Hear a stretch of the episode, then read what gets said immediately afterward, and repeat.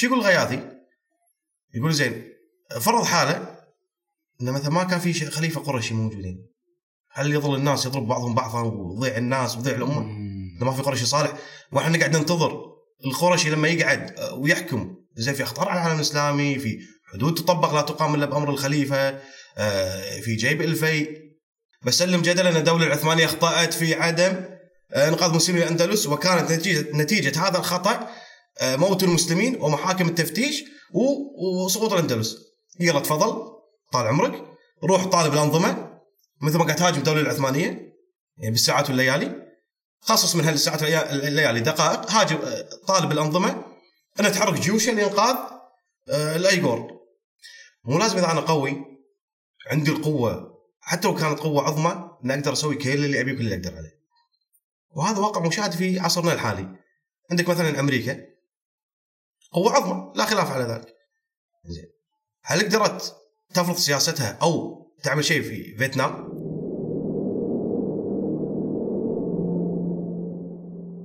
يا هلا مرحبا أبو حمد شلونك؟ حياك الله هلا والله أخوي أبو صالح. عساك طيب. بخير الله طيب حالك؟ الله يسلمك.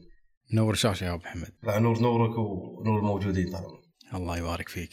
أبو حمد الموضوع كبير. موضوع الدولة العثمانية.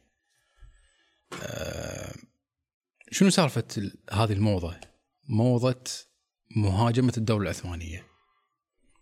آه، الدولة العثمانية مثل ما انت عارف اليوم بين التقديس المطلق والاحتقار المطلق. إحنا الحين شلون نحدد مسارنا؟ آه، كيف المفروض يعني تكون نظرتنا للدولة العثمانية في رأيك؟ بسم الله الرحمن الرحيم والحمد لله رب العالمين والصلاة والسلام على أشرف المرسلين سيدنا محمد وعلى آله وصحبه أجمعين. رب اشرح لي صدري ويسر لي أمري واحلل عقدة من لساني يفقه قولي وبعد. آه، في البداية أحب أشكرك أخوي أبو صالح على الاستضافة الطيبة هذه الله الكريمة. وأسأل الله أن آه، ينتفعون إن شاء الله المشاهدين. وننتفع إحنا منك كذلك بعد. آمين. آه، بالنسبة حق الدولة العثمانية قبل ما ناخذ موضوع الهجوم عليها والتقديس المطلق لازم نعرف هي دولة إسلامية يعني حكمت بالشريعة. قرابة تقريبا 600 سنة. فممتدة كانت على ثلاث قارات حكمت آسيا وأوروبا وأفريقيا. فهي تاريخ ضخم ممتد على ثلاث قارات. وكان يحكمها بشر. هذه النقطة لازم ناخذها بالاعتبار أن كان يحكمها بشر مو ملائكة بحيث أن أي زلل منهم كان يطلع نضخمه ونخلينا يعني كيف حصل هذا الخطأ أو أنه كيف ارتكبوا هذه آه، الزلة مثلا. ولا نجعلهم من جانب المدافعين أو التقديس المطلق دولة ملائكية بحيث ان آه، نبرر كل خطأ حصل. هي دولة حكمها بشر. بعقول بشرية آه، من غير وحي فمن الطبيعي ان تحصل فيها أخطاء. حال حال أي دولة إسلامية سواء الأموية، العباسية، المملوكية، كل الدول تحصل فيها أخطاء ما ما في دول ما تخلو من الأخطاء. ولكن اللي يفرق ما بين الهجوم على الدولة العثمانية وما سبقها من الدول إن نشوف إن مثلا الدولة الأموية آه، سقطت قامت بعدها مثلا العباسية. آه، ضعفت العباسية آه، يوم مثلا آه، السلاجقة والمماليك والأيوبيين كذا. مو على ترتيب طبعا بس كهالدول اللي كانت موجودة. المشترك بالدول هذه إن تسقط دولة إسلامية وتقوم دولة إسلامية أخرى على انقاذها إلا الدولة العثمانية. سقطت وقامت بدالها دول قومية. اللي فيما بعد طور الموضوع إلى دول وطنية. وطنية. فالقومية العربية زين اللي سادت ال- ال- العالم الإسلامي وكذلك القوميه التركيه يعني ما نعفي الترك من ال- الأخطاء إنه تبنوا القومية التركية والطورانيه وكذلك العرب تبنوا القومية العربية. فساد آه، العالم الإسلامي اللي كانت تحكم الدولة العثمانية موجه من القومية. فنشوف إن الأتراك نفسهم كانوا يهاجمون ال- التاريخ العثماني ويسيسونه بحيث انه يخ- يخلونه آه، تاريخ تركي نعم ما كان تاريخ إسلامي يعني يعني ينزعون منه صفة الإسلامية بالتاريخ. أما العرب بناء على القومية العربية كانوا ينظرون لهم مو كمسلم حاكم مسلم ينظر له كتركي يحكم عربي فينظر له بصفة احتلال. فعشان كذي كانت الأقلام زين وسنة الأقلام تهاجم الدولة العثمانية بحيث تمسك أي خطأ حصل وإن كان خطأ صحيح. زين. بس يكون ممكن في سياق التاريخ يكون خطأ طبيعي يحصل من أي دولة تحصل. خصوصا نعم. يعني ولاة يتعاقبون. فيضخمون هذا الخطأ يخلونه يعني من المثالب العظمى للدولة العثمانية. مم. فالواحد لازم يكون طبعا موضوعي يعني ما بين طرحه آه، للتاريخ العثماني وتناوله له. ذكرتني يعني في انتقادات بعض الكتاب والمثقفين نقراهم نشوفهم إحنا سواء كان بتويتر سواء كان في كتب سواء كان مقالات يعني يسألون أسئلة غريبة مثل يعني لماذا لم لم توقف الدولة العثمانية محاكم التفتيش الإسبانية؟ آه لماذا سلمت الجزائر ومصر آه والهند آه ليش ما وقفت الدولة العثمانية آه أمام الحملات البريطانية والفرنسية يعني كنا العثمانيين؟ طبعا إيه. ما يخطئون وغير مقبول ان إن تصاب هذه الدولة بشيخوخة كبقية الدول. الحين أنت قلت لي انه صح في أخطاء أو شيء كذي يعني. في في شبهات تطلع كمان هم نقراها إحنا وكثيرة شبهات محمد.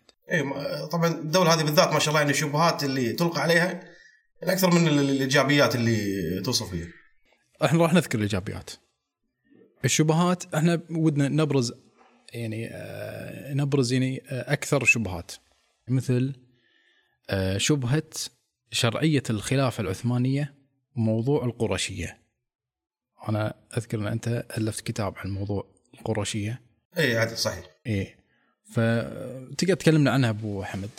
آه، بعض الناس يلجون إلى حديث الائمه من قريش يعني حتى لما تتبعت الأحاديث وقرأت يعني بعض الكتاب اللي آه، ينفون صفة القرشيه آه، عفوا ينفون صفة الخلافة عن الدولة العثمانية بسبب القرشيه فقرأت الآثار اللي وردوها والأحاديث وكذا هذا. فلما قمت أنا بحثت بنفسي تفاجأت إن في أحاديث ذكرت عن الرسول عليه الصلاة والسلام. ما قرأتها بالبحوث اللي كانت آه، تلقى يعني أو تكتب. فمثلا هم يأخذون طبعا شر- شرط القرشيه يأخذون على اطلاقه كأنه الخليفة لازم يكون قرشي وهذا شرط مطلق عام إلى أبد الدهر. يعني حتى تقوم الساعة هذا طبعا التصور اللي يصورونه اللي متمسكين بشرط القرشيه من خلال مهاجمه الدولة العثمانية. إنه شرط مطلق يعني خلاص هذا شرط يعني لآخر الزمان خلاص. يعني مستحيل يكون في خليفة غير قرشي ولا يكون غير شرعي. كأن أصبحت الخلافة تساوي القرشيه فقط لا غير. زين لما تتبعت الحديث آه، وجمعت في كتاب اسمه خلا- خلافة ساطي بين عثمان بين النفي والإثبات.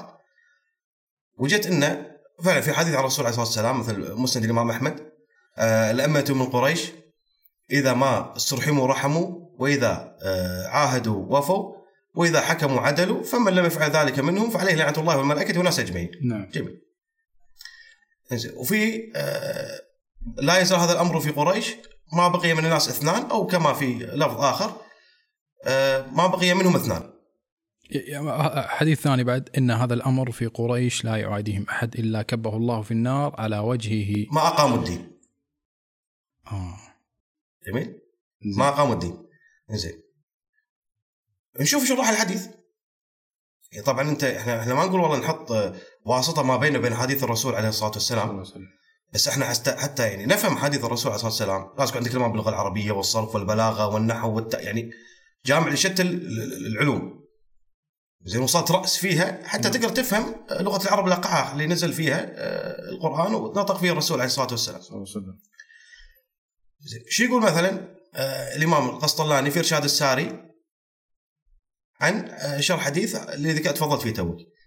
أنه نعم. آه، لا يعلم احد إلا أكبر الله في في النار على وجه ما قام الدين. قال الماء مصدرية. ما أقاموا الدين؟ اي هني أخذ جملة ما أقاموا الدين. أها. زين يعني حطها بروحه. وقال الماء مصدريه والوقت مقدر بإقامتهم للدين. فإذا فإذا لم يقيموه خرج الأمر عنهم. إذا ما أقاموا قريش الدين خرج الأمر عنهم. هذا كلام إرشاد الساري القسطلاني ويأيده كذلك بنفس ال- ال- الشرح يعني مقارب له تقريبا. آه، شيخ الإسلام في عصره زكريا الأنصاري في منحنة الباري شرح صحيح البخاري. طيب. فحتى هذا الحديث زين لا يعادي أحد قريش ركب الله في النار, في النار على وجهه. حديث آه، خطير تهديد نعم،. خطير من الرسول صلى الله عليه وسلم بس مقيد في مقام الدين. إنزين نشوف شنو الأحاديث الأخرى. آه، الحديث موجود في مسند الشافعي. يا معشر قريش عن الرسول صلى الله عليه وسلم يا معشر قريش إن هذا الأمر فيكم ما كنتم مع الحق. إلا أن تعدلوا عنه فتلحون كما تلحى هذه الجريدة آه، الجريدة. زين. الشافي في شرح مسند الشافعي لمجد الدين ابن الأثير مهم. كذلك ذهب إلى أنهم إذا مالوا عن الحق أو حادوا عن الحق خرج الأمر عنهم ومجد الدين ابن الأثير متوفي 606 هجري. يعني قبل دخول السلطان سليم 300 سنة. إيه. فيعني هناك وجه آخر للأحاديث تبين أن آه، شرط القرشية مقيد مو على اطلاقه. آه، حديث آخر كذلك موجود في مسند أبي يعلى الموصلي. يا معشر قريش آه، إن هذا أمر إن هذا الأمر فيكم زين ما أطعتم الله. فإذا عصيتموه بعث عليكم أن يلحاكم كما يلحى هذا القضيب. ثم لحق قضيبه فإذا هو أبيض يصلب. فهناك أحاديث قيدت مفهوم القرشية إن يا معشر قريش إذا ما اطعتم الله عصيتوه أو ما كنتم مع الحق أو ما قمتوا الدين خرج الأمر عنكم ولا حاكم. آه عشان كذي طبعا حتى آه عبد الرؤوف المناوي في فيض القدير شرح الجامع الصغير ها طبعا آه العلامة الثبت الثقة كما قال عنه المحبي.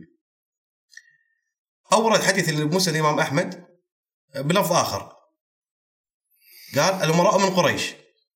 ما عملوا فيكم بثلاث. الأمراء من قريش. اي يعني حديث مسند الامام أحمد الائمه من قريش. آه المناوي قال الأمراء من قريش ما عملوا فيكم بثلاث. ما رحموا إذا استرحموا. وأقسطوا إذا قسموا وعدلوا إذا حكموا. هذه الشروط إذا كانت موجودة اي اذا القريش تبقى تبقى فيه إيه. زين شنو قال المناوي عن تفسير الحديث؟ قال ويفهم منه أنهم إذا عدلوا عن هذه الأحكام جاز بعدول الإمارة عنهم. يعني فحتى علماء الحديث ولا شراح الحديث قبل العثمانيين واثناء وجودهم لا شرحوا وجه آخر للاحاديث إن الشرط القرشية مو مقيد إلى آخر الزمان خلاص إنه لا, لا يبقى فعشان كذي نشوف إحنا إمام الحرمين أبي المعالي الجويني في كتاب الغياثي يقول نعم. هو متوفي تقريبا 408 هجري تقريبا أو 487 وكذا نعم شو يقول الغياثي؟ يقول زين فرض حاله إن مثلا ما كان في خليفة قرشي موجودين هل يظل الناس يضرب بعضهم بعضا ويضيع الناس ويضيع الأمة؟ إذا ما في قرشي صالح وإحنا نقعد ننتظر القرشي لما يقعد ويحكم زين في أخطار على العالم الإسلامي في حدود تطبق لا تقام إلا بأمر الخليفة. آه، في جيب الفيء آه، في مواجهة الأخطار الخارجية. يعني قصدك لابد من وجود الإمام أو الخليفة يسمع له ويطاع. أهم شيء هو يحكم بالكتاب والسنة. طبعا يكون لازم آه، حاكم كتاب السنة طبعا ولا لأن خليفة رسول الله عليه الصلاة والسلام الخليفة هو من يخلف رسول الله صلى الله عليه وسلم في إقامة الدين وسياسة الدنيا. أو في حفظ الدين وسياسة الدنيا. فاللي ما يحفظ الدين ولا يسوس أمر الدنيا اللي هم الرعية نعم كيف يكون خليفة رسول الله صلى الله عليه وسلم؟ صلى الله عليه وسلم فشروح الحديث آه، يعني باختصار أو ك زبدة الكلام ان شروح الحديث عرضوا وجه آخر الأحاديث القرشية على خلاف ما يطرح بالساحة. يعني كان آه، قال رسول الله صلى الله عليه وسلم الأئمة قريش ويسكت خلاص. ما يكمل زين باقي في أحاديث أخرى هم قال الرسول عليه الصلاة والسلام صلى الله عليه وسلم وأي حكم شرعي إذا تبي تخرج حكم شرعي ما تاخذ لك حديث واحد يلا هذا حكم. تجمع مجموعه الأحاديث ويخرج الحكم الشرعي وهذا اللي سوى الفقهاء والعلماء يعني. نعم. حتى لو آه، الراي الآخر. نشوف حق كتب الفقه. معتمد الفقه. آه، طبعا في نقطة آه، يحتجون فيها. وأحب أوضحها يعني توضيح مهم إن. شاء الله. قول. لا فضلك الإمام النووي طبعا يستشهدون كثيرا كلمة الإمام النووي في شرحه على صحيح مسلم لما شرح حديث آه إن هذا الأمر آه لا يزال هذا الأمر في قريش ما بقي من الناس اثنان. نعم. فشرح الحديث الإمام النووي قال إنه آه ال- وهذا دليل أو له دلاله على أن الخلافه في قريش ولا تزال بقية فيهم كذا كذا إنه إن هذا حجة إن الخلافه قرشية ولا يمكن تكون غيرها. طبعا الرد الأول إن حتى النووي بعد ما أورد رأيه وشرحه آخر سطرة قال ويحتمل أن هناك أوجه أخر والله أعلم بمراد نبيه. يعني ما قطع الامام النووي بهذا الشرح. هذه رقم واحد. رقم اثنين الإمام النووي متى توفى؟ 676 هجري. فحتى في شرح شنو يقول؟ وقد ظهر ما أخبر به رسول الله صلى الله عليه وسلم فلا فلا تزال الخلافة باقية منذ عهده حتى يومنا هذا في قريش لم لم ينازعهم فيها أحد. ونفس العبارة تقريبا قالها الإمام بدر الدين العيني صاحب كتاب عمدة القاري شرح صحيح البخاري.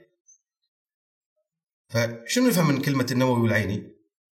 أن أوكي أمامهم حديث وهناك واقع تاريخي يؤيد الحديث.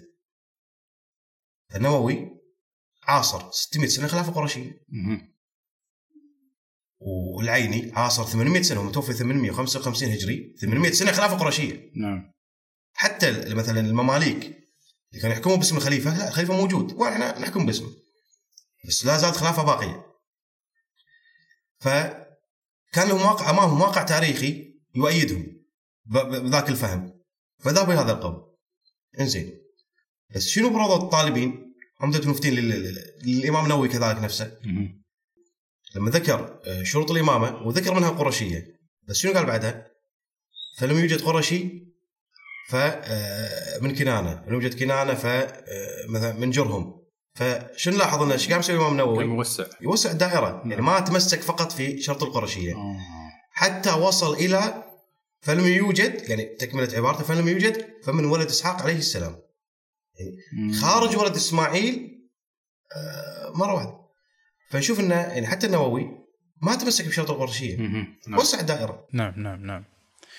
آه، وأنا قاعد أبحث ابو حمد في تسجيل صوتي سمعته للشيخ الألباني. يقول آه، لو كان في عربي عالم كان في عربي عالم وفي آه، قريش جاهل أو قرشي جاهل سقطنا هذاك. بالنص سقطنا هذاك يعني قصده القرشي. وناخذ العربي العالم. هذا واحد هذا الألباني. ابن عثيمين هم بعد صوتي في اليوتيوب موجود يقول لو أن أحدا تسلط واستتب له الأمر فإنه يجب علينا أن نسمع ونطيع. ف طبعا حتى الفقهاء لما قالوا إمامة المتغلب في جوازه يقصد فيه إمامة المتغلب ليحكم بشرع الله. نعم نعم نعم. يعني, يعني هذه نقطة مهمة جدا. أن يكون مسلم ويحكم بشرع الله. نعم صحيح. لو لم يحكم بشرع الله ما أصبح إمام أساسا يعني. بس هذه نقطة يعني, يعني حتى بكلام ابن عثيمين اللي قال إنه وانت غلبه كذا كذا لازم يكون حاكم بالشرع طبعا. صحيح. يعني هذا إضافة على كلامه. والفقهاء ذكروها طبعا. نعم. زين موضوع الشبهة الثانية موضوع الأندلس. آه عدم تقديم المساعدة مساعدة الدولة العثمانية آه، لمسلمي الأندلس محاكم التفتيش إحنا نعرف يعني شنو صار في محاكم التفتيش هذه يعني اللي ما يعرف محاكم التفتيش آه، سلطة قضائية تابعة للكاثوليك الأسبانية. آه، تجبر المسلم واليهودي إنه يكون مسيحي. اي يتنصر صح. اي يتنصر. ولا يقتل ولا يتهجر. فأنا أسألك أبو محمد ليش ما ساعدت الدولة العثمانية مسلمي الأندلس؟ طبعا آه، هذه شبهة من أكثر شبهة آه، ترددا يعني والغاء. أول شيء إذا بنرد عليها لازم في نقطة لازم نركز عليها نكون عارفينها وفاهمينها. إنه مو بالضروري إذا أنا قوي طبعا أنا جاي إن شاء الله على الجواب الجواب دقيق للسؤال بس يعني تمهيد. مو لازم إذا أنا قوي عندي القوة حتى لو كانت قوة عظمى اني أقدر أسوي كل اللي أبيه كل اللي أقدر عليه. وهذا واقع مشاهد في عصرنا الحالي. عندك مثلا أمريكا قوة عظمى لا خلاف على ذلك. زين. هل قدرت تفرض سياستها أو تعمل شيء في فيتنام؟ صارت في فيتنام. وهي قوة عظمى. نعم. إنزين. ممكن واحد يقول الاتحاد السوفيتي كان يدعم كذا كذا من الأمور هذه كلها. انه يدعم الفيتناميين وهذا. زين هني حق آه، أفغانستان. وهنا كانت أمريكا دولة آه، كان هني الكرة الأرضية أو العالم يحكمه آه، نظام القطب الواحد. أمريكا فقط لا غير. هي القوة العظمى الوحيدة يعني ما في منافس لها. ما استطاعت أن تهزم طالبان وهم نصرهم الله حركة إسلامية فقط. قلة قليلة. خلي خلي حركة إسلامية. حركة مجاهدين مسلمين مخلصين بس. إيه نعم. أمريكا ما قدرت عليهم. ويقول طبعا جبال ما جبال كذا الحين ما يعني ما شاء الله وصلت التكنولوجيا و... وتقدم وصل مرحلة ان بالاقمار الصناعية يقدر يشوفون الحين ببيتهم كل شيء أسوي يعني. زين فكونهم بالجبال ما الجبال آه، يعني مو عذر وجيه أنا أشوفه يعني نعم فمو بالضرورة إذا عندي قوة عظمى إن أنا أقدر أفرض كل اللي ابيه، شنو أنا أبي أسوي أسوي. زين شنو كان الوضع بالأندلس أساسا في ذاك الوقت؟ طبعا أنا على أساس يعني مثلا أنقذ شخص ما أقدر كان أخوي ابو صالح يعني الله يحفظك إن شاء الله طولة العمر انت بالبحر تغرق قدامي أنا بم- بمد لك ايدي انت حاط إيدك بالماء. زين بمد لك ايدي انت حاط إيدك بالماء. شلون راح أقدر انقذك أنا؟ فلازم في سبب داخلي وسبب خارجي. شنو قصدك الأندلس يعني شنو كان واقع الأندلس؟ الأندلس في ذاك الوقت طبعا آه، هو مو الأندلس كلها اللي ما أنقذت، الأندلس كلها كانت رايحة من زمان بس بقت آه، مملكة غرناطة فقط لا غير. حتى عام 1486 أو 87 ترى حصل اقتتال داخلي في الأندلس في مملكة غرناطه. اقتتال داخلي بين المسلمين إي في وقت ال- ال- ال- الفتنة هذه اللي حصلت كانوا إيزابيلا بالله على مشارف آه، غرناطه. يعني الجيوش الصليبية موجوده على مشارف غرناطه والدولة اللي المفروض الدولة العثمانية تنقذها تحصل حرب أهلية بسبب آه، الحكم السلطه. موضوع معقد فزين أنا كيف أنقذ دولة هي للحين في ظل الأخطار هذه كلها الخطر ما وحدها وقاعد يصير فيها اقتتال داخلي. هذا من جانب الأندلس. جانب الدولة العثمانية. زين الدولة العثمانية في ذاك الوقت طبعا وصلت لازم نعرف إحنا كذلك. كان سليمان القانوني أبو حمد لا قبل قانوني. أنا جايك شرح حق ال- ال- القانوني. قبل طبعا بدأت المناشدات من أيام السلطان محمد الفاتح. كانت مناشدات الأندلس من أيام السلطان محمد الفاتح. زين. السلطان محمد الفاتح طبعا وإن كان بحريته آه، نمت وازدهرت وقوت بس ما صارت البحرية الأولى على مستوى العالم للحين. نعم. البحرية ما صارت ال- ال- الأولى على مستوى العالم. نعم. وكان محمد الفاتح من عام 1463 إلى عام 1479 قبل وفاته بسنتين كان يخوض فيما اسمه بالتاريخ الحرب الطويلة. 16 سنة حرب مع دول أوروبا. 16 سنة كان يحارب دول أوروبا. طبعا مو. متواصلة. زين على فترات متقطعة. واحيانا يهادن دولة في مقابل إنه يتفرغ لدولة ثانية وكذا. فكان خاض حروب متعددة طويلة جدا. إنزين. هل كان المفروض محمد الفاتح يوقف حروبه كلها هذه ويطلع بجيش أو أسطول يروح إلى آه، غرب البحر المتوسط؟ ضاعت الدولة. إنزين. سنتين توفى 1481 نعم. حكم بعده ابنه بايزيد الثاني. مهم. السلطان بايزيد الثاني. بايزيد الثاني وصلت مناشدات له عام 1486 من الأندلس. من الأندلس. أرسلوا مبعوثين راحوا يعني وفد عربي والقوا امامه قصيدة آه ذكرها آه أحمد بن محمد المقري التلمساني في أزهار الرياض في أخبار القاضي عياض. مهم. مذكور نص القصيدة. المش... إيش يكون حال المسلمين الأندلس وما تعرضوا له من آه، اضطهاد وكذا وكذا وكذا الأمور هذه؟ عام كم؟ 1486 آه، محمد عبد الله عنان في كتابه آه، نهاية الأندلس ذكر أن كان هناك تحالف أو مشروع تحالف ما بين الدولة العثمانية بقيادة السلطان بايزيد الثاني. والسلطنه المملوكية في مصر بقيادة السلطان قايتبا- قايتباي بحيث ترسل الدولة العثمانية اسطول إلى غرب البحر الأبيض المتوسط تهاجم إسبانيا بحرا ويخرج جيش مملوكي برا لانقاذ الأندلس. كان الأسطول بقيادة آه، خير الدين ولا؟ لا هذا قبل كله قبل خير الدين. مهم. زين كان حزتها موجود كمان رئيس أو كمان رئيس. زين طبعا محمد عبد العنان بس للأمانة العلمية إنه ذكر آه، نفى آه، هذا فكرة هذا التحالف إنه كان حصل أو موجود قال ان أساسا كانت الدولة العثمانية ولا ال- ال- المماليك في حالة حرب مع حرب وكذا. فكيف إنه يتحالفون في إنقاذ مسلمين الأندلس؟ وطبعا هذا ما يمنع إنه كونك أنت تتقاتل مع دولة مسلمة على مشاكل حدودية أو مناطق زين إنك توحد جهودك في آه، أماكن أخرى يعني إنقاذ قضية أسمى إنقاذ مسلمين يعني نعم. ما- ما أشوف في وجه تعارض ما بين يعني هو ذكر حقيقة تاريخية وردها بناء على تصوره والمعلومة ذكرت في أكثر من آه، نعم. مرجع تاريخي. زين اللي اللي يأيد الحقيقة التاريخية هذه. أن هناك أسطول عثماني خرج بقيادة كما رئيس عام 1487 نعم. إلى غرب البحر الأبيض المتوسط. وكانت هذه أول مرة تطأ فيها أقدام الأتراك أو العثمانيين غرب البحر غرب البحر الأبيض المتوسط. يعني قبل هالتاريخ ما كانوا آه، ذاهبين إلى ذاك البعد.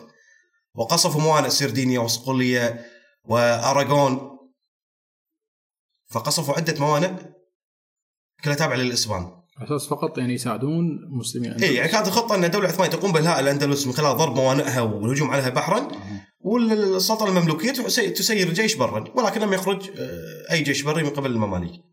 طبعا ما بيتهمهم نقول والله هم تخاذلوا وكذا يعني هذا مو وضع آه، اتهام الدولة ممكن في ظروف حصلت منعتهم أنا يعني ما ما آه، تخصيتها يعني.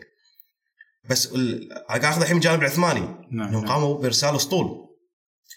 وأنقذوا 300 ألف أندلسي. مم. من السواحل الإسبانية. أندلسي يعني قصدك مسلم ويهودي. مسلم ويهودي. طبعا أكيد المسلمين كانوا أكثرية فطبيعي هم أكثرية الانقاذ. نعم. بالنسبة حق اللي يهاجم الدولة العثمانيه يقول أنقذت اليهود أنقذت اليهود. يعني أنا أقول له عطني شيء من الشرع الإسلامي. يعني واعطني شيء من شرعنا. يقول إذا مثلا في مجتمع مسلم أساسا وبنظام إسلامي تسلط عليه كفار أنا إذا بنقذ بس أنقذ المسلمين اخلي الكافر أو أهل الذمي نعم. الذمي. إن اليهود كان في ذاك أهل ذمة. اذا عطني شيء يقول لك والله أنا ممنوع. لا بس أنقذ المسلم خلي اليهودي أو النصراني كان من كان لا ما ما تنقذه. ماكو بالعكس أنت ال- الإسلام دين الدنيا جميعا يعني. نعم. فسيرت الصول إلى هناك. حتى انه كمان رئيس توفى عام 1511 وهو عائد من إحدى حملاته على إسبانيا. فظلت حملاتها طويلة تهاجم الإسبان وتنقذ المسلمين. حتى توفى السلطان بايزيد الثاني. طبعا ما علي أخوي صالح قاعد يستفيض شوي موضوع الأندلس. نعم نعم. لأنه يمر على أربع ثلاث سلاطين. وتاريخ يعني الق- القضية شوي شائكة ومعقده الحين يعني. السلطان الثالث؟ إيه لأن إحنا نحتاج شنو؟ نشوف المنظور. ال- ال- ال- الأندلس وضعها ونشوف المنظور الدولة العثمانيه وضعها نعم. ونشوف الشمال الأفريقي لأن هذا عمنها عامل مهم يعني مم. بالقضية. نعم. إنزين. بعدها يا السلطان سليم ياوز سليم. اي اللي هو أول من تقلد الخلافة من سلاطين بني عثمان. السلطان سليم كان في ذاك ذاك الوقت يواجه خطر الصفوي آه من من وراء هذا. اي شرق الصفويين مشكله كان خطر صفوي ظهر في عام 1502 نعم. ويهاجم آه، دوله وينكل في أهل السنة. هذا خطر موجود وقريب ما يقدر يتجاهله نهائيا. زين وبعدين راح آه، تحارب مع المماليك. طبعا هذه قضية أخرى ليش راح ما راح. زين ولكن حتى إن آه، على عجاله انه كان هناك تحالف ما بين المماليك والصفويين. تحالف سري. ضد ما- الدولة العثمانية. ضد الدولة العثمانية. إيه. فهذا سبب إنه يعني بعد ما حارب صفويين أول مرة راح حارب المماليك. زين. فالسلطان سليم ترى حكم ثمان سنوات فما كان في مجال إنه يعمل شيء يعني. وهذه خاض حملات حروب ضخمة جدا يعني. سليمان القانوني اللي في عهده الدولة في اوج عظمتها. نعم. والقطب الأول في العالم. ولا توجد قوة على وجه الأرض تنافسها. لا من حيث الأسطول ولا حيث الجيش البري. زين لا إلى قوة أحد الا قوة الله سبحانه وتعالى. زين هو جلس آه، سليمان القانوني 40 سنة؟ آه 46 سنة. 46 سنة. إي من 1520 إلى 1500 آه، 1000 آه، نعم. 1566 إيش اللي حصل؟ هني يدخل عامل شمال الأفريقي. Okay الدولة العثمانية هني عندها أسطول قوي جدا. نعم. خير الدين بربروس بربروسا نعم. اللي يعني المعلومية كانوا نساء الغرب إذا حبت يعني تنوم ولدها مو راضي ينام ولد مثلا مزعج مو راضي ينام يبكي يصيح وهذا. كانت تقول له إنه يعني اسكت ولا ترى يجيك خير الدين. فكانوا يخرعون أطفالهم فيه من قوته وشهرته نعم. يعني حتى من قلب الكفر ليس بكافر هذا كلامهم مو كلامي أنا. إنه كانوا يقولون آه، لما يشوفوا مثلا أمواج ما أمواج كذا ال- ال- الغربيين أو الأوروبيين إذا شافوا تلاطم الأمواج وعاصفة بحرية كان يقول قد غضب بخير الدين بربروس. من قوتها يعني كانوا يظنون إذا غضب البحر تلاطم بالموج الله نعم. هيبة هيبة. إي هذا اللي إحنا عشان شي إحنا نقرأ التاريخ إن فاقدين الهيبة هذه ف نسترجع إن شاء الله تعالى. الله. يسهل. ويسر ف هنا يدخل عامل شنو؟ الدولة العثمانيه عندها قوة جيش بري عظيم. أسطول بحري الأول على مستوى العالم. طيب. إنزين يدخل دور هني دور هني الشمال الافريقي شمال افريقيا إي لأن أنت مستحيل تروح تنقذ آه الأندلس برا. يعني أنت حدودها كانت واصله حزتها لحد فيينا من الجهة الأوروبية. زين فما يقدر يتجاوز عنده فيينا. فبرا ما راح يقدر. ممكن واحد يقول أخي زين برا من جهة مصر. سؤال وارد لأن إحنا قلنا القائد باي كان يرسل. الشمال الأفريقي طبعا هذه يعني نقطة مهمة جدا على أساس نعرف إحنا الخيا- الخيانات والعمالة شنو ممكن ينتج عنها. يعني تاريخ إحنا مو ناخذ انه نستانس فيه كقصص عبرة. كعبر. وعظه عشان نشوف إحنا نهاية المشوار هذا شنو تكون نهايته على الأمة الإسلامية والمسلمين جميعا. نعم. الشمال الأفريقي اللي هو مثلا تونس الجزائر ليبيا المغرب كذا ما استتب الحكم العثماني في الشمال الأفريقي لأن أنت الحين إذا تسير مثلا حملة عظيمة مثلا لانقاذ مسلمي الاندلس محتاج خط امداد. محتاج خط تموين. محتاج مثلا آه، طاح آه، غرق اسطولك أو كذا كذا في نقطة رجوع ترجع لها شو اللي كان يواجه المسلمين أو العثمانيين في ذاك الوقت؟ السلطنه الحفصية في تونس كانت موجودة؟ طيب. وكانوا في عمالة للاسبان فالشمال الأفريقي ما كان يعني موحد للانطلاق بحيث يساعد الانطلاق إلى في جبهة موحدة أو عملية لإنقاذ مسلمي الاندلس شمال افريقي ما كان بيد الدولة العثمانية. ما كان في الدولة العثمانية ولا استتب له الأمر. حتى يعني تستطيع انك أنها تساعد آه، أهل الاندلس يعني حتى في مناطق آه، جيوب ال- الشمال الأفريقي ما حررت إلا في عام 1700 في عهد الخليفة أحمد الثالث. ولكن على مدى عشرات السنوات ظلوا العثمانيين يحاولون ينقذون الأندلس. حتى في ثورة جبال البشرات اللي حصلت عام 1569 ترى كانوا العثمانيين مشاركين فيها. في الأندلس. في الأندلس. ثورة آه، ثورة اللي حصلت عام 1569 نعم. يعني تخيل بعد سقوط ال- سنه هي سقطت 1492 قامت ثورة. آه، ثمان سنوات وين 69 سنة آه، 77 سنة. يعني بعد 77 سنة ولا زال العثمانيون مجرد ما يعني يجدون يجدون فرصة لانقاذ الأندلس يقدمون يد العون على طول. فأرسلوا الجنود مئات الجنود أرسلوا وقلج علي آه، أرسل أسطول ولكن غرق الأسطول. إنزين. وأرسل الم- المدافع والبنادق لل- للثوار. لدعم الثورة. لدعم الثورة ومن بنادق وأسلحة وكذا. وجنود ولكن طبعا كما معروف إنه يعني في اللحظات الأخيرة وفي ال- الأيام قليله اللي سبقت الثورة قبضوا على أحد الأندلسيين واعترف بالخطة كلها وهذا وفشلت الثورة يعني. ولكن العثمانيين كانوا مشاركين. هذا بعد كم؟ بعد 77 سنة. معناته إن الدولة كانت تبي فرصة لإنقاذ الأندلس ولكن الظروف ما كانت سانحه يعني أنت الحين باختصار تقول إن الدولة العثمانية صحيح إنها هي قوية لكن العثماني ليس سوبرمان. اي مو مو القوة المطلقة. اي والعثماني يعني نفس الوقت لم يتخلوا عن المسلمين الأندلس آه، وغير المسلمين. طبعا حتى يعني حي غلطة في إسطنبول. شنو لقب؟ حي الأمويين أو اللقب الآخر حي العرب. هي العرب. اي حي العرب. آه. هذا حي غلطة في إسطنبول. نعم. الاحياء هناك في بعضه يلقب بحي العرب أو حي الأمويين. من المسلمين الاندلس اللي انقلبوا وأخذتهم الدولة العثمانيه جميل. ف يعني سووا سووا اللي قدروا عليه. وكل اللي يقدرون عليه من دعم عسكري من إنقاذ من كذا. والعجيب يعني أنا اللي يخليني أتعجب للأمانة أمانة يعني بشكل مو مو طبيعي إن اللي يعيب على العثمانيين إن أنتم ما أنقذتم مسلمي الأندلس قبل 500 سنة. ما أنقذتم ما مديتوا يد العون لل- للأندلسيين وما اتوا الأندلسيين تخليتوا على الأندلس. مع الدولة العثمانية قدمت الجيش وانقذت وفي ناس عاشت بفضل إنقاذ الدولة العثمانية. نشوف هذا بعض الأبواق هذه اللي تهاجم الدولة العثمانية يمجد ويحمد ويقدس أنظمة نعم. تشاهد اضطهاد الأيغور والروهينجا والسوريين آه، ينامون في الخيام ولا يتكلم في كل- بكلمة واحدة ولا يطالب حتى الأنظمة هذه زين انها تنقذ المسلمين اللي قاعدين بالعراء يموتون. مثل الطفل اللي شفناه رحمة الله عليه يموت على البحر. صحيح. زين إذا أنت هدفك كان المسلمين وإنقاذ المسلمين يا أخي لا ترجع 500 سنة لورا في عندك واقع معاصر. صحيح.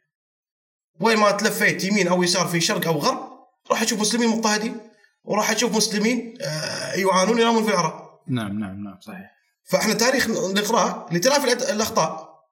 وأنا بسلم جدلا. مع المخالف. وأنا اقولها شدد على كلمة جدلا. بسلم جدلا أن الدولة العثمانية أخطأت في عدم آه، إنقاذ مسلمي الأندلس وكانت نتيجه نتيجة هذا الخطأ آه، موت المسلمين ومحاكم التفتيش وسقوط الأندلس. يلا تفضل طال عمرك. روح طالب الأنظمة مثل ما قاعد تهاجم الدولة العثمانية. يعني بالساعات والليالي. خصص من هالساعات الليالي دقائق. هاجم آه، طالب الأنظمة. انها تحرك جيوشها لإنقاذ الأيغور. أو الروهينجا. يبقى لا تحرك جيش. تمديد مدد استنكار. هذا متعودين عليه. التنديد والسنجار والشجب هذا هم أكثر شيء يستانسون عليه الغرب يعني. يا أخي استضيف الموجودين. يقول يبقى أنا أستضيفهم عندي.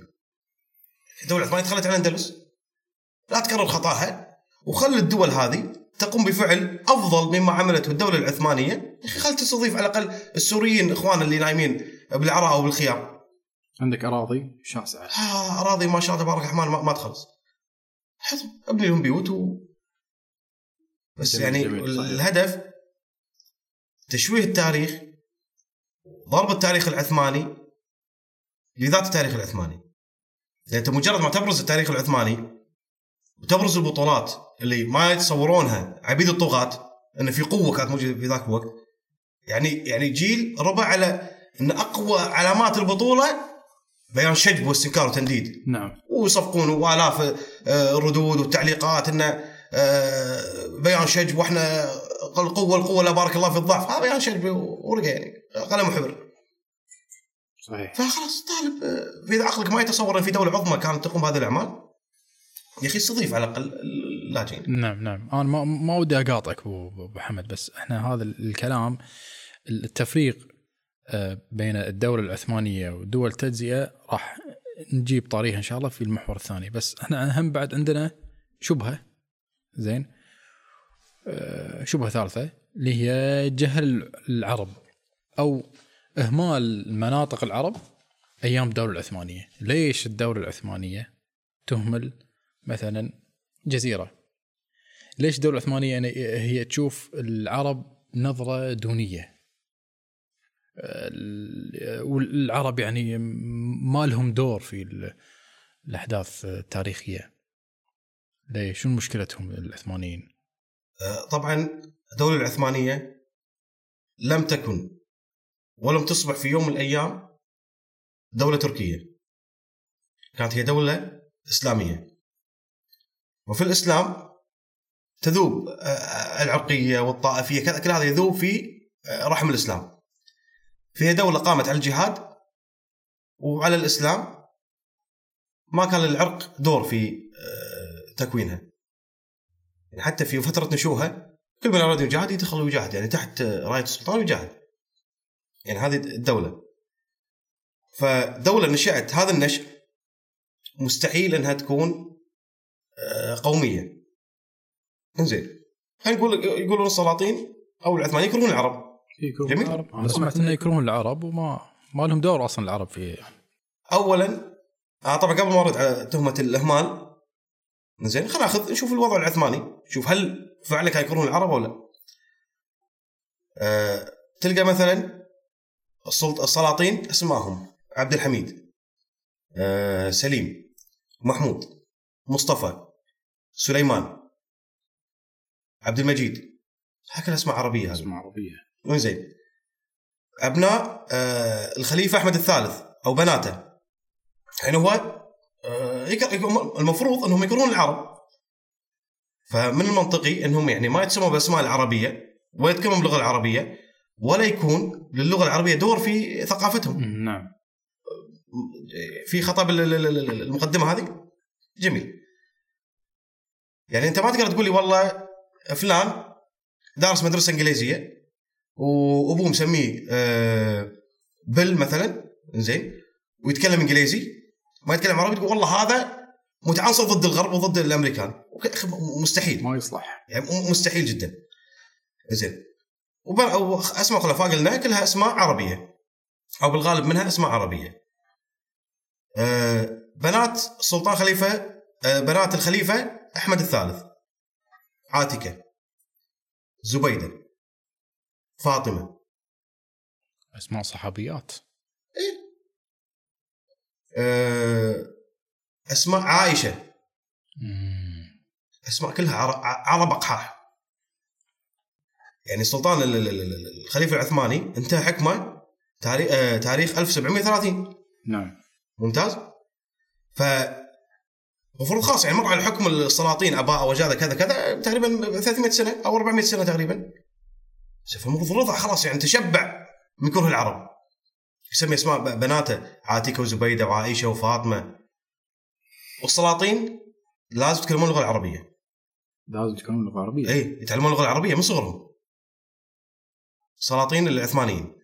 اثنين آه، ما تقدر كشيخ دين أو كعالم زين إنك ترتقي بالمناصب إلا إذا كنت تعرف تجيد اللغة العربية. لغه عربيه نعم. زين وفي آه، كلمة الحين الدولة العثمانيه تكره العرب. أنا بس أنا بختم آه، بنا- آه، بمقولة لمستشرق غربي فرنسي. وما في أحد يقدر يقول والله إن الفرنسي عثماني. شو يقول؟ إنزين. آه مثل المستشرق الف- الفرنسي اسمه جيوم بوستي. يقول أن اللغة العربية كانت لغة عالمية. هذا في عهد العثماني في القرن السادس عشر الميلادي. أن اللغة العربية كانت لغة عالمية. وأن أهميتها تفوق اللاتينية والعبرية واليونانية مجتمع مجتمعين. وأن هذه اللغة كانت لغة آه، الحكام والقضاة والعلماء. في شعوب آسيا وأفريقيا وثلث أوروبا. جميل. وأنا أشدد على ثلث أوروبا. يعني هذه الدولة التركية المفروض تكره العرب نشرت اللغة العربية إلى ثلث أوروبا. كانوا يتكلمون اللغة العربية. زين دولنا الحين ما شاء الله عليها يعني دول اللغة العربية وين- لوين واصلة؟ أصلا اللغة العربية لا تدرس بقوة اللغة الإنجليزية أساسا يعني. ممكن مم. تجد إنسان بارع باللغة الإنجليزية آه، فاشل باللغة العربية. نعم. مع ان هذه الدول المفروض الحين تكون هي تكون عربية قامت على القومية العربية. والدولة العثمانية آه، والدولة العثمانية دولة المفروض تركيا تكره العرب. ولكن نشاهد أن اللغة العربية منتشرة في عصرها أكثر من آه، وضعنا الحالي. نعم. زين بالنسبة لاهمال المناطق العربية. ما المناطق. طبعا هذه الشبهة آه، أو هذه التهمة تلصق بالعثمانيين لإثبات أنهم كانوا آه، ينشرون الجهل وعدم اهتمام بالعلم ونشر العلم كذا كذا وأن المناطق العربية كلها تقع في آه، جهل مدقع. هي ليش هاي؟ مو مو صحيح أبو محمد؟ لا نهائيا مو صحيح. والدليل؟ اولا يعني الجزيرة العربية ليست فقط نجد يعني مو وسط الجزيرة بس. زي تشمل ال- اليمن الاحساء الحجاز نعم. وكذا وكذا و... والعرب. يشملوا مصر وسوريا. وسط الجزيرة العربية بدوا قبائل رحل. طيب. جميل. آه مع حلالة مع غنمة مع كذا. ويترحل مناطق هذه حياته من آه مئات السنين. هو واباءه وأجداده وكذا كذا. هاي طبيعته. هذا طبيعته. زين. إنزين. و- والمنطقة في ذاك الوقت يعني مو عصرنا الحين. بيوت ومكيفات وكذا وسيارة توديك وتجيبك وهذا. يعني أنا شلون أبني مدرسة في وسط بر صحراء. واللي قوم هم هم يعني راعي ال- ال- ال- الحلال ما الحلال وهذا يعني مو وفي نقطة راح أقولها إن شاء الله بالنهاية عشان نعرف ليش ال- ال- التعليم ما كان منتشر في ذاك الوقت جدا. راح أقولها بالنقطة اللي بعد اللي طيب. أذكرها الحين. طيب. في نقطة مهمة آه، لازم يعني نحطها بالبال أن الدولة العثمانية حكمت بلاد العربية منذ عام تقريبا 923 أو 24 هجري. جميل؟ زين بشيل أنا 100 سنة الأولى من التاريخ الإسلامي اللي هو عهد الرسول عليه الصلاة والسلام والخلفاء الراشدين وبداية الدولة الأموية آه، مع أنه هو أفضل القرن نعم. قرن الرسول عليه السلام هذا صلى الله بس عليه وسلم. لكن أقصد أنه أزيله من الحسبة يعني بقول تبدي تقريبا من بعد من الهجري توسعت العلوم. مهم. زين وانتشرت العلوم. أيام الدولة العباسية الأموية والعباسية وكذا. كانت مثلا دمشق حاضرة دولة بني أمية وبغداد حاضرة آه، الخلافة العباسية. جميل. المماليك و- وش اسمه؟ عفوا. آه، الممالك والايوبيين في مصر والشام. كلها كانت عواصم لدول عظمى حكمت. فالعثمانيين ما دخلوا إلى أراضي آه، فقيرة ومه- ومهجورة وغير مأهوله بالسكان وإن جو فقط صحراء أرض يقول ليش ما بنينا؟ هذه كلها كانت حواضر دول. وعواصم. فكانت فيها المدارس. يعني 800 سنة المدارس موجودة فيها. والعلم متواصل بهالمدارس هذه. فيعني أساس لا نقول والله ما بنوا ما بنوا. زين فكانوا يعني حق أساسا بيئة علمية موجودة. يعني ما يروح حق ناس جهلة يقول والله ما علموهم كذا. زين النقطة الثانية. أنت إذا تبي تعرف المحيط أو العالم العربي عايش في جهل أو عدم جهل المفروض لو كان جهل ما في مؤلفات ولا في علماء. يعني المحيط كله يسود الجهل. نعم. هل راح يخرج منه علماء؟ يعني قصدك العلماء في مصر العلماء في الجزيرة علماء مصر في- والشام الشام. والجزيرة وكذا وهذا. أها. إنزين. يعني أنت تقول الحين محيط كله جهل في جهل. والعلم ميت والعلم ميت فيه. هل ممكن ينتج الجهل علم؟ لا يمكن ينتج. إنزين. المدارس طبعا اللي كانت أنشئت في عهد العث- العثمانيين هذا يعني غير اللي اهتموا فيها.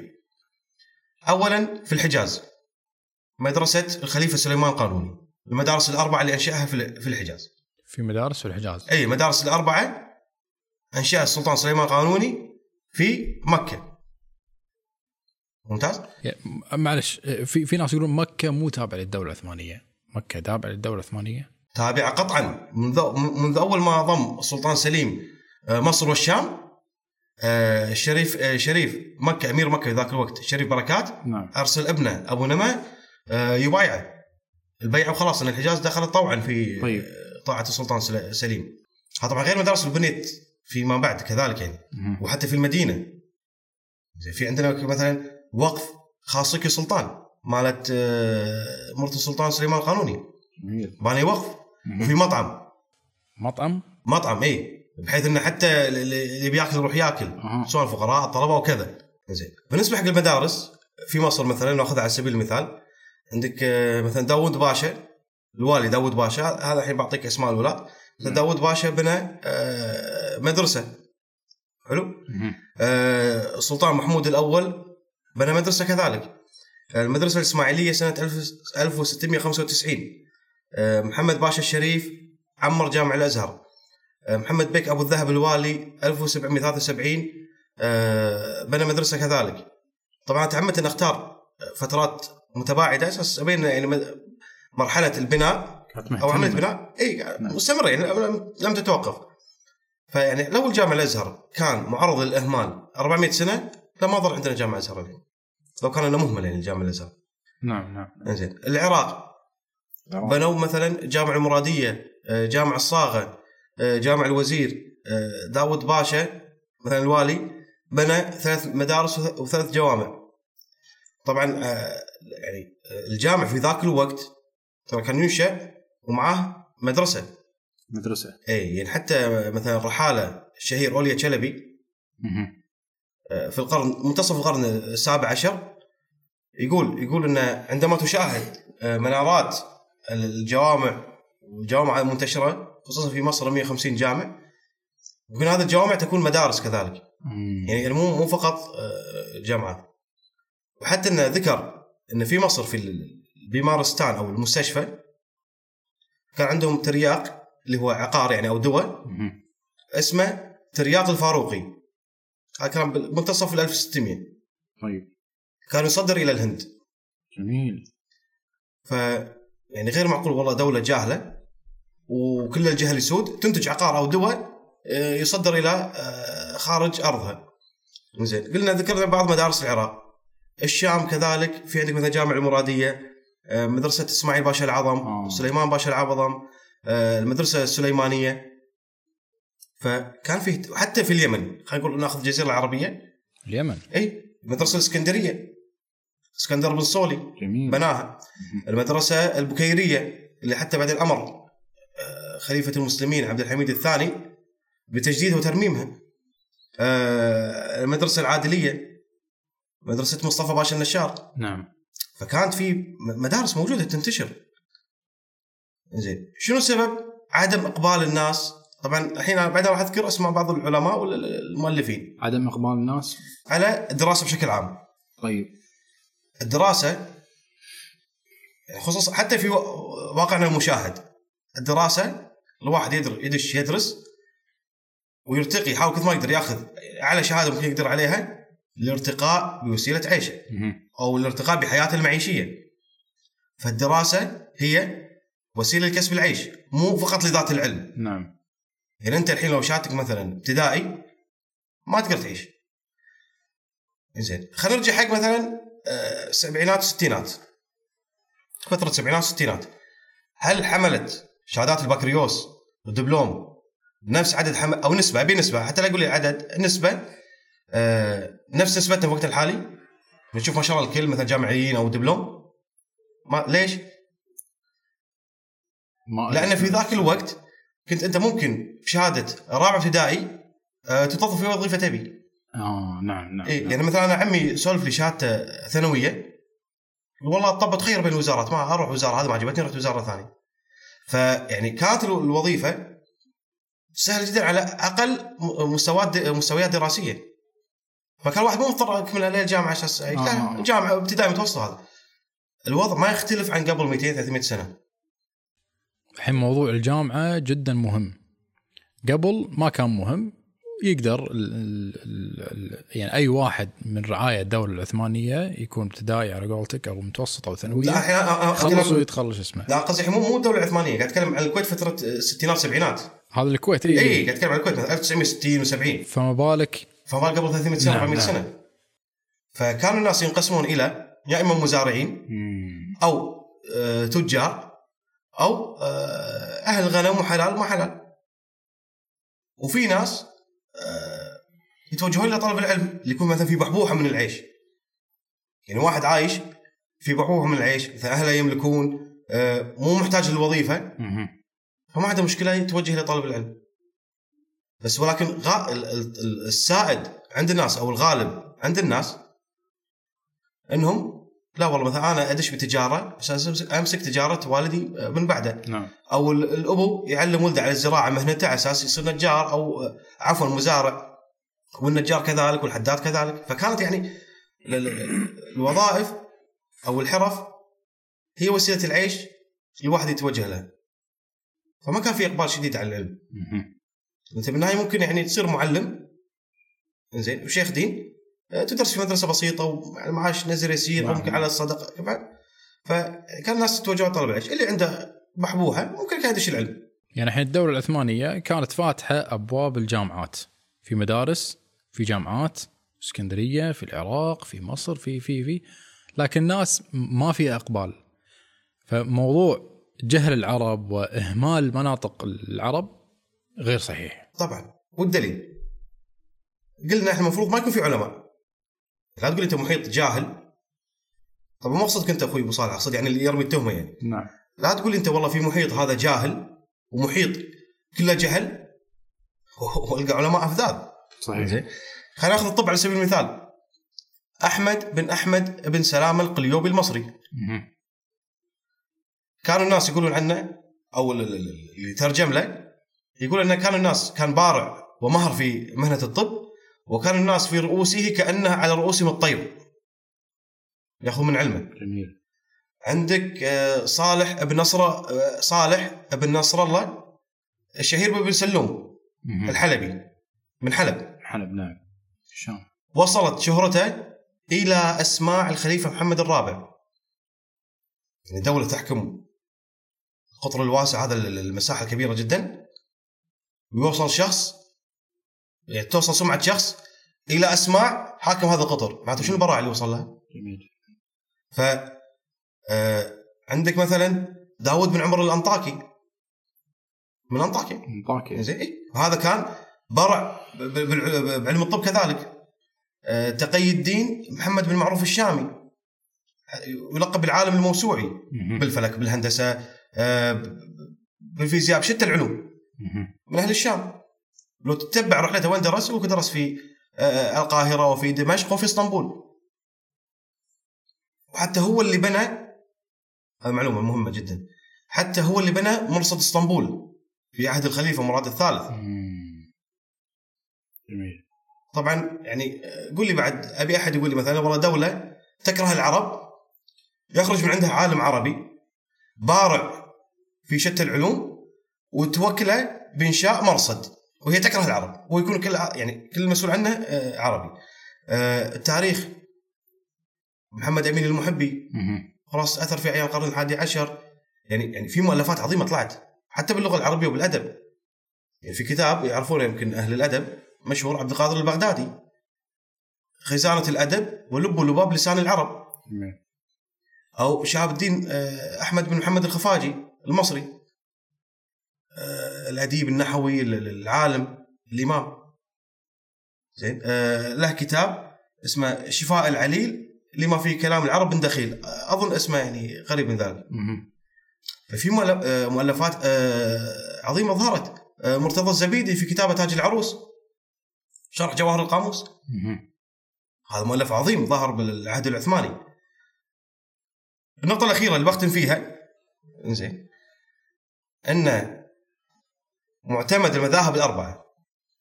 إحنا قلنا المعتمد اللي هو عليه الفتوى. نعم. جميعها ختمت في العهد العثماني. جميل.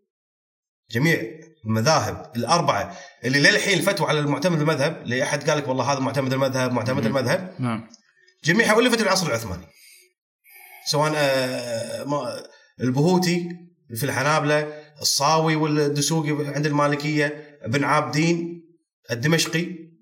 زين عند الأحناف آه، الرملي وابن حجر الهيتمي عند ال- ال- الشافعية. ف يعني أنت ما تتصور مثلا أقول لك إمام مسجد هذا هذا إمام مسجد بس والله جاهل باللغة العربية والنحو والبلاغة. لا مستحيل يا أخي ما يصير. فتخيل أنت إمام يكتب شرح أو يؤلف كتاب عليه معتمد الفتوى 400 سنة. بتقول هذا والله كان جاهل بالنحو. لا لا هذا كان إمام. في النحو وفي البلاغة وفي الصرف وفي التاريخ وفي السير وكذا كذا حتى يكون كلامه معتمد مذهب عليه مليارات المليارات المليار- المليارات من الناس. فكيف يكون يعني وسط كله جهل؟ كتب الأدب اللي للحين تطبع وتقرأ موجودة. كتب اللغة مثل تاج العروس للحين تقرأ وموجوده ويفتخر فيها. معتمد المذاهب تختن في عصر هذه الدولة. وهذه كلها العلوم أنا ذكرت لك إياها ترى معتمده على اللغة العربية سواء الأدب أو اللغة أو المذاهب. مستحيل إنه يكون في جهل. مستحيل يكون في جهل و... وكل هالمؤلفات تخرج وكل هالعلماء يظهرون في هذه الدولة. غير ان أبو حمد إن الدولة العثمانية عينت كثير من العرب في أماكن حساسة مؤسسات أماكن يعني حساسة مثل جيش أو أي سليم بك ملحمة ونجيب ملحمة وصل إلى رتبة الوزارة. نعم. أه الحاشية أو يعني الجنديين اللي كانوا يمشون بمحاذاة خليفة عبد الحميد الثاني علي باشا قيراط من أهل طرابلس الغرب. ومحمد باشا العرقسوسي عرب من عرب محاذاة السلطان هل في إنسان يأمن روحه عند قوم وهو يضطهدهم و- يكرههم أو- ويكرههم وما ما يحبهم يعني؟ مستحيل. هذا غير يعني ينعكس على موضوع آه، أيضا آه، توزيع الثروات. آه، هل كانت الدولة العثمانية توزع ثروات آه، تميز بين يعني الاتراك أو يعني العثمانيين رعايه الدولة وبين العرب؟ يعني هذا الكلام أكيد يعني راح يقول إنه يعني أو راح ينقذ هذا الكلام إنه ما كانت تميز بين ث- توزيع الثروات. لا أصلا عاد هني هني هني نميز ما, ما ودي لا اقاطع تفضل طبعا هني نفرق عاد. أنت الحين تعال أنت تقول لي الدولة العثمانية هي تميز؟ تعال يبا هل دول التجزئه الحين تميز بين رعاياها؟ نعم في تمييز كثير. هذا بدون وهذا الكويتي بنفس العين وهذا كويتي. زين فهذه مشكلة يعني. الحين أنا ودي أدخل في المحور الثاني. المحور الثاني ال... إحنا طولنا يمكن أبو حمد لكن صراحة الحديث معاك متعة يا أبو حمد. الله يعزك. بالعكس والله أنا اللي مستمتع والله المحور الثاني الدولة العثمانية ودول التجزئة الحين تعال يعني قل لي شنو أبو حمد؟ آه، أثر استقلال القرار السياسي والوحدة السياسية وشنو هي مزايا هذه الوحدة؟ آه، حتى مع ضعفها حتى مع ضعفها. في أواخر الدولة العثمانية اللي يقول عنها الرجل المريض. على حالة التجزئة بابهى صورها. فشنو رأيك بو أول شيء خلينا نروح آه، هني جانب الوحدة مثلا وحده يعني أثر الوحدة وأهمية الوحدة نعم زين على سواء القرار السياسي أو العسكري أو كذا يعني. فطبعا الواقع ال- ال- ال- بالنسبة حق دول التجزئة وكذا الحمد يعني الحمد لله يعني واقع مشاهد. يعني لا لا- ما في واحد يقدر ينكره. أو واحد يقدر يتملص منه نعم. يعني واقع مشاهد ومعروف لا ينكر. فخلنا نعرض ال- ال- الموضوع من الجانب العثماني قبل ما نفاضل فيها. بالجانب العثماني يعني وصلت من قوة الدولة العثمانية في عصر الوحدة يعني حتى مثلا في عصر مراد الأول. المواد الأول. يعني حتى في عصر مثلا مراد الأول زين كانت الدولة كبيرة وقطعة واحدة متوحدة. من عظمتهم بني عثمان أن لما قام آه، أمير سالونيك البيزنطي مانويل ابن الامبراطور البيزنطي يوحنا الخامس. بتمرد على السلطان العثماني قام حاصر مدينته من عام 1384 لعام 1400 عفوا آه، من 1384 مهم. أو من 1383 إلى عام 1387 مهم. يعني كان حصار وبعدين انتصر بالحصار نعم. وهرب الأمير مانويل زين بيهرب وين أنا أبوي إمبراطور بروح حق أبوي الإمبراطور رفض أبوه إنه يستقبله بسبب ما قام به مع السلطان العثماني. آه. وخوفا من إثارة غضب السلطان مراد الأول. ولدي لا ما. هذا من من هيبة من, من هيبة السلطان. الدولة العثمانية. من هيبة من قوة السلطان من, من هيبته. ما قدر ولده الأمير مانويل يدخل عند أبوه إلا بعد ما جاب ورقة أن ترى السلطان مراد الأول عافي عني. ورقة عفو من السلطان مراد الأول هنا قدر أبوه يستقبله. جميل جدا. حتى ابوه بعد ما استقبله ترى كان يعني علاقته متوترة معاه بسبب اللي عمله مع السلطان مراد. إنزين. آه، البندقية مثلا البندقية كانت قوة لها وزن واعتبار في ذاك الوقت. نعم. يعني بالألف والقرن الرابع عشر الميلادي كان لها اعتبارها البندقية. صحيح. قاموا قوات ومراء. السلطان مراد الأول بالتعدي على أملاك البندقية في اليونان. هذا الآن حرب بعد. يعني إحنا آه طبعا ليش قاعد أضرب الأمثلة هذه؟ هو حتى يعني شوف تعامل آه طبعا ما ذكرت أمثلة على الحروب مع حروب كذا. أخذها من منظور شوف تعامل الدول الأخرى مع دولة الوحدة القوية. يعني شوف فرق التعامل. انه يعني إمبراطور ما يقدر يستقبل ولده. زين جانب آخر. زين لما قامت إحنا ناخذ جانب الاستنكار والاحتجاج. أها. زين نعم. لما قاموا جنود ومراء السلطان مراد الأول بالتعدي على أملاك آه، البندقية في اليونان. هذا الان حرب بعد خلاص. مهم. املاك تعتدي عليه المفروض حرب تشن قرر مجلس الشيوخ البندقي عام 1387 أو قبل وفاة السلطان بسنتين بإرسال وفد إلى السلطان مراد الأول. المفروض يكون يعني يا استنكار شديد اللهجة أو كذا. نعم. مثل ما شاء الله دولنا الحين. مثل الحين. أي نشجب وندين ونستنكر بس وصوا الوفد بعدة شروط. أولها أن يعبر عن كامل مشاعر الحب والود والإخلاص والمحبة للسلطان العثماني وفخامته. تقديم الهدايا للسلطان العثماني ووزرائه هذا رايحين استنكار يعني رايحين معترضين هذا استنكار إيه هذا هذا استنكار مالهم تعبير عن مشاعر الحب والود والإخلاص للسلطان العثماني. ثلاثة يبون يعني يتعهد لهم بعدم تعدي قواته على آه، مناطقهم. يعني ردنا اللي راح وكذا وكذا يعني بس يعني مرات الجاية يعني لا لا تجي عندنا لطيف نبي عهد. هذا شيء طبعا مستحيل ولا في عاشر أس عشرة في الأحلام نشوف في واقعنا المعاصر. إن دولة تي حق دولنا دول العالم المعاصر وتستنكر مثل هال الاستنكار هذا أو, أو يكون لها قيمة مثل قيمه السلطان العثماني والدولة العثمانية. إنزين آه ميزة استغلال قرار سياسي إنك أنت تقدر تلعب تحالفاتك. لأن عرشك وحكمك ودولتك مو قائمة على كيان خارجي بحيث إنك تكون محتاجه. نعم. لأن مستقل. قوة الدولة العثمانية كانت في إخلاص سلاطينها اللي كان السلطان مراد الأول في معركة كوسوفو عام 1389 اللي قتل فيها استشهد عليه رحمة الله ورضوانه.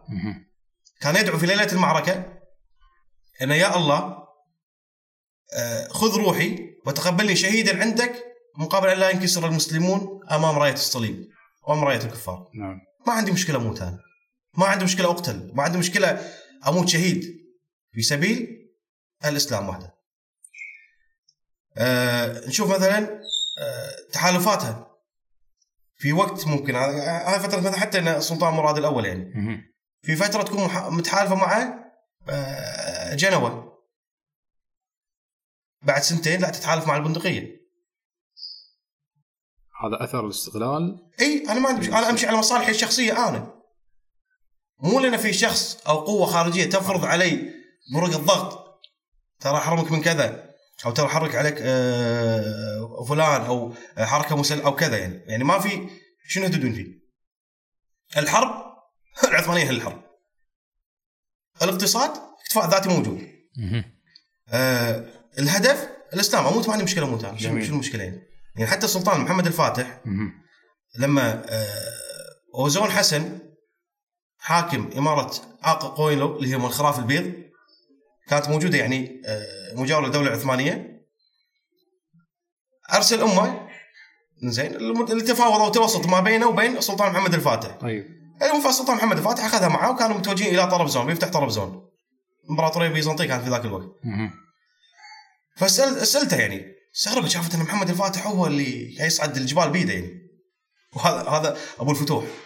حامل بشرى رسولة ح- حامل بشرى نبوءة رسول الله صلى الله عليه وسلم في وسلم. الحلقة القسطنطينية نعم. فالامير أمير هو اللي عمل الجيش ذاك الجيش. فقالت له يا بني لماذا تتعب نفسك وترهق نفسك يعني؟ فهو يبكي يقول يا أماه. نحن لا نعرض أنفسنا للخطر في سبيل فتح مدينة ولكن نعرض أنفسنا للخطر في سبيل الله. وأن لهذا السيف حقا وحقه أن نقاتل ونجاهد في سبيل الله عز وجل. فهذه الرسالة كانت آه، تحملها الوحدة. هذه الرسالة اللي كانت تحملها الدولة العثمانية. دولة واحدة. نعم. آه، مصير واحد. آه، هدف واحد. جميل. ما في هدف ثاني ولا شيء. جميل. زين شوفوا حق الضعف. يعني حتى أنا أواخر الدولة العثمانيه شوف بيبيك من المنتصف بيبيك من أواخرها. في المنتصف آه، في عهد ملك فرنسا يسمونه لويس النور لويس الرابع عشر. أتوقع إنه لويس النور يسمونه. آه، في عام 1600 آه، تقريبا يعني 67 يعني الفترة هذه أو 63 أرسلت دولة دولة فرنسا أرسلت دولة فرنسا سفير لها إلى الدولة العثمانية. نعم. فقام هني طبعا الدولة العثمانية كانت خلاص يعني يعني في بدايات الضعف. طبعا لا لم تضعف مرة واحدة ما نق- ما نقدر نقول ضعفت مرة واحدة ولا نقدر نقول إنها في قوتها أيام سليمان القانوني لكن في ما بين هذا وهذا. فأرسل آه، فر- آه، ملك فرنسا سفير إلى الدولة العثمانية استقبله الصدر الأعظم أحمد كوبرولو. السفير الفرنسي أساء الأدب في حضرة الصدر الأعظم. مم. هذا الحين سفير. واقف قدام الصدر الأعظم. وأساء الأدب. شنو عمل الصدر الأعظم؟ أمر حرسه أن يمسكون السفير الفرنسي. ويلطمون على خده. طقوا طراق يعني بالكويتية؟ إطراق. إطراق أو لا كف. لا أو لطمه على خده يعني. نعم. حق اخواننا العرب. زين. ضربه على خده. زين.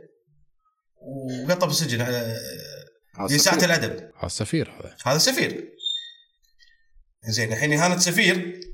إهانة دولة, دوله وإعلان حرب. شنو ردة فعل فرنسا؟ لا شيء. ولا شيء. أعطيك سفيرك إذا اساء الأدب وهينه ولا تسوي شيء. يلا. يعني كانت ضعيفة. ما كانت يعني في ما بين البين. يعني ما أقدر أقول والله كانت ضعيفة ومتهالكه لأن بعدها ب ب- ب 20 سنة تقريبا حاصرت فيينا. زين خلينا ناخذ اواخر دولة العثمانية. رجل مريض على إيه. قولة البريطانيين. اي عهد ال- الخليفة عبد الحميد الثاني اللي الدولة خلاص آه، متآكلة داخليا مؤامرات خارجية آه، دول آه، عظمى جديدة نهضت. زين. شنو كان وضع التعامل مع آه، السفراء؟ إذا كان هذا ذكر في مجلة إن ما خاب ظني واشنطن بوست أو نيويورك تايمز. نعم. في ال 1900 إن السفير البريطاني أساء الأدب في حضرة السلطان. إنزين. شنو كانت عقوبته؟ لما جاء مره ثانية بعدها إذا كان هو أساء الأدب والسفير حامل رسالة من الملك أو الملكة؟ ألقي في غرفة شديدة البرودة وتعرض للصقيع البارد وحامل رسالة من الملكة. يعني في في وقت المعاصر ممكن يدش على ال- الحلقة ثلاثة بالليل ما عنده مشكلة يعني. لاحظ ان اساء الادب في حضرة السلطانية ألقي في غرفة شديدة البرودة بالساعات وآخر شيء قال لا، ما راح أستقبلك السلطان اليوم يعني حتى يقول لك أصيب أصبح طريح الفراش مدة أسبوع من المرض. انفلونزا آه، حادة حاشته من المرض. جميل. من البقاء في الغرف الباردة.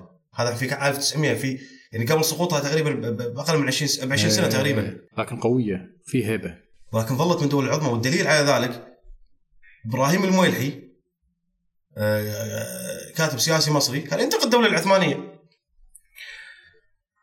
وأنا مشكله ودي أقول لك أخوي أبو صالح يعني الانتقاد يعني آه، تحزن شنو كان انتقاد؟ يعني ممكن أنت يعني آه، تهاجم المويلحي تقول له يا أخي يا ليتنا كنا في ذاك الزمان ولا في زمن شنو قال؟ كان انتقاده في كتابه ما آه، إلى هنالك أو ما أو ما هنالك ذكر ماهر إبراهيم مويلحي هذا الف 1896 مهم. في لحظه ضعف الدولة. قالوا أما دولتنا العليه فإنها في مصاف الدول المتأخرة من الدول العظام أو من الدول العظمى. ولا يناقش في ذلك إلا جاهل جاهل معاند يعني كان انتقاده ونبي نركز على الانتقاد. انتقاده للدولة العثمانية مو لانها دولة ضعيفة أو دولة متهالكة أو كذا كذا كذا. انتقاده لأن في مؤخرة الدول العظمى. يعني هي من الدول العظمى ولكن في المؤخرة وليست من آه. المقدمة. سبحان الله. بالله عليك إذا كان هذا انتقاده في لحظة ضعفها نبي هذه الدولة على الأقل راضي يعني شبح القوة كان موجود هذا إنها مع ضعفها وتآلقها كذا في مصاف الدول العظمى كانت تعتبر نعم. صحيح والدليل إن حرية القرار السياسي طبعا هذا مرتبط بالقرار الاقتصادي. إن في عام 1838 إلى عام 1841 وقعت اتفاقية التج- التجارة الحرة مع بريطانيا. من التجارة الحرة وان البضائع اللي تجي من الخارج ليس عليها آه، ضرائب عالية وكذا وكذا كذا يعني. طبعا هذا كلها الغرب يغلفها التجارة الحرة، آه، الديمقراطية، المساواة آه، عشان يمرر أفكاره ومصالحه هو مو مصالح الشعوب هذه. ودليل هذه المفاهيم كلها موجودة عندنا من 100 سنة وما في تقدم نهائيا يعني، هذه المفاهيم موجودة كل شيء، ما في دولة إسلامية ولا في تقدم. آه، وقعت اتفاقيه التجارة الحرة. على أساس إنها كانت الضريبه 3%. مهم. بعد عام 1861 طبعا هي اتخاذت التجارة الاتفاقية طوعا وليس كرها. طيب ان كانت تنظر إن هذا الدخول في أو الدخول في اتفاقية التجارة الحرة في مصلحة الدولة للنهوض بالدولة. إنزين بعد 1861 لاحظت الدولة العثمانية إن والمتحكمين يعني مقالة السلطة بالسياسة كالسلطان ووزرائه أن حتى هذه الاتفاقية تضر الدولة ولا تفيدها وتضر الرعية والتجار الموجودين في الدولة والصناعة المحلية. جميل؟ فبدت الدولة تتملص وتضرب هذه الاتفاقية حرض العائق شيئا فشيئا. فكانت ال- البضائع من 3% الاستر... يعني آه، عفوا ضريبة الاستيراد من الخارج البضاعة تدخل 3% والتكاليف داخل الدولة غالية فتصير البضاعة المستوردة أرخص من البضاعة المحلية. فتروج البضاعه المستورده وتركن البضاعة المحلية. فبدأت تزيد الضرائب من 3% إلى 5% إلى 8% حتى وصلت في عام 1907 إلى 11% 11% وفي ذاك الوقت وفي ذات الوقت كانت تخ- تخفض الضرائب والرسوم على التجارة والمعامله الداخليه بحيث إنه تقل قيمة البضائع ال- ال- ال- المحلية نعم. وتكبر قيمة البضائع ال- ال- المستوردة فيتجه الناس إلى البضائع المحلية لتحمي شعبها. ففي أخطاء حصلت الدولة العثمانية مثلا دخول اتفاقيه التجارة الحرة ولكن كان كان من مصلحة الدولة. عندما تنبهت إلى هذا الخطأ تداركت الخطأ. ولا ألقت بالرعية وضربت بهم عرض الحائط مقابل رشاوى تدفع من الخارج أو. مقابل آه، وعود لابغاء على سدة الحكم وكذا وكذا وكذا. يعني مثل ما يحصل في آه، وضعنا المعاصر. وكانت الحروب إما آه، تأخذها مرة مثلا تحارب فرنسا لما احتلت فرنسا مصر آه، بعدها ممكن تتحالف مع فرنسا ضد روسيا. ما عندها مشكلة بعد خمس سنوات تتحالف مع فرنسا ضد روسيا. جميل. لأنها الدولة تقودها مصلحتها هي وليس مصلحة غيرها. حلو. بخصوص الحروب أبي يعني أعرف غاية الجيش العثماني. غاية الجيش العثماني وجيش الدول الوطنية اليوم الواقع أو دول العالم المعاصر. شنو الرسالة اللي تحملها هذا الجيش وهذا الجيش؟ شنو الغاية؟ يعني هل هناك معنى لوجود الجيوش هذه؟ طبعا الجيش ال- في العهد العثماني ملخصة شعار الجيش الانكشاري. القوة الضاربة في الجيش العثماني. اللي كان آه، ملك هولندا في عهد السلطان الخليفة سليمان القانوني. استنجدت هولندا آه، بالدولة العثمانية. نعم. كانت إسبانيا آه، حابة تغزوها. وإسبانيا كانت عدو للدولة العثمانية. فما كان من مصلحة الدولة العثمانية أن إسبانيا تكبر وتنمو. نعم. فبحيث أن تزيد أراضيها. فأرسل طلب مستعجل للسلطان العثماني. فقام السلطان العثماني أرسل إلى مع سفيرة صندوق إلى ملك هولندا. استغرب يعني ملك هولندا إحنا طالبين جيش. مدافع أسلحة فنادق ما إلا صندوق ورجل واحد بس هذا هذا سلمى قانوني بطل الصندوق. وقدم السفير رسالة إلى ملك هولندا. ولا في الرسالة مكتوب؟ طبعا يعني حتى اللقب. فما عليه شوي يمكن شطيت. بس هذا هو أساسا يعني بعلمك إن العقيدة الانكشارية وعقيده الجيش العثماني إلى أين وصلت به؟ يعني بعطيك النتيجة بالبداية. قفز إلى النتيجة بعدين بعطيك. السبب طيب. هذا النتيجة هذه. ولا طبعا القاب سليمان قانوني يبدي هو دائما رسائل بي إنه من سليمان وإنه بسم الله الرحمن الرحيم. من السل- السلطان السلاطين وخاقان الخواقين. مالك رقاب آه، الترك والعجم والعرب والكرد والأرمن. مظل القياصر والأباطرة. يعني القاب تروع. يعني يعني شيء. على الامانه للحين ليومك هذا والله بعد كثر ما قريت الدولة العثمانيه وقريت وقريت وقريت ليش طاقت نفسي فتحت القاب سليمان القانوني اقراها الله. وهذه العظمة طبعا مو في إعلام اجور أو إنه كذا يعني دعاية إعلامية هاكم لقبوني لا لا. بسيفه وبسيف ابائه وأجداده. قال أرسلت لك ملابس جنودي الجيش الانكشاري. فأخذ هذه الملابس لبسها إلى آه، قواتك وجيشك وعلقهم على أبراج القلاع بس يعني بس خلي الجيش الإسباني يعرف إن الجيش الانكشاري موجود في القلاع هذه. 80 سنة لم تخرب إسبانيا من هولندا.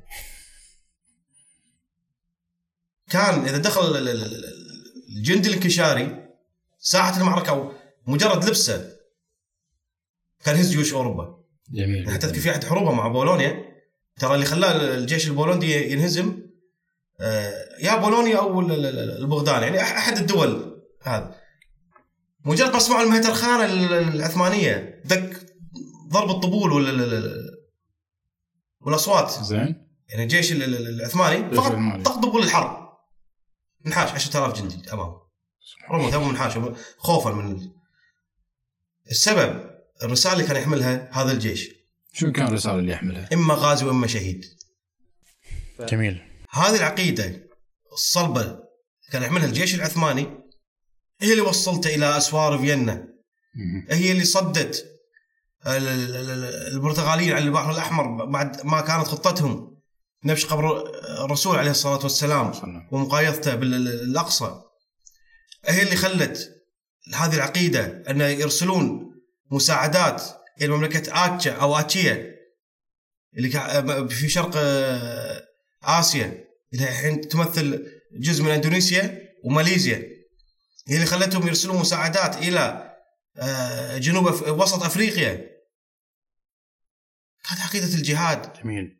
والحفاظ على بيضة الإسلام والإسلام والدفاع عن المسلمين. شوف الحين عاد يعني شلون تغيرت؟ آه، بوصلة الجهاد بوصلة الجيوش.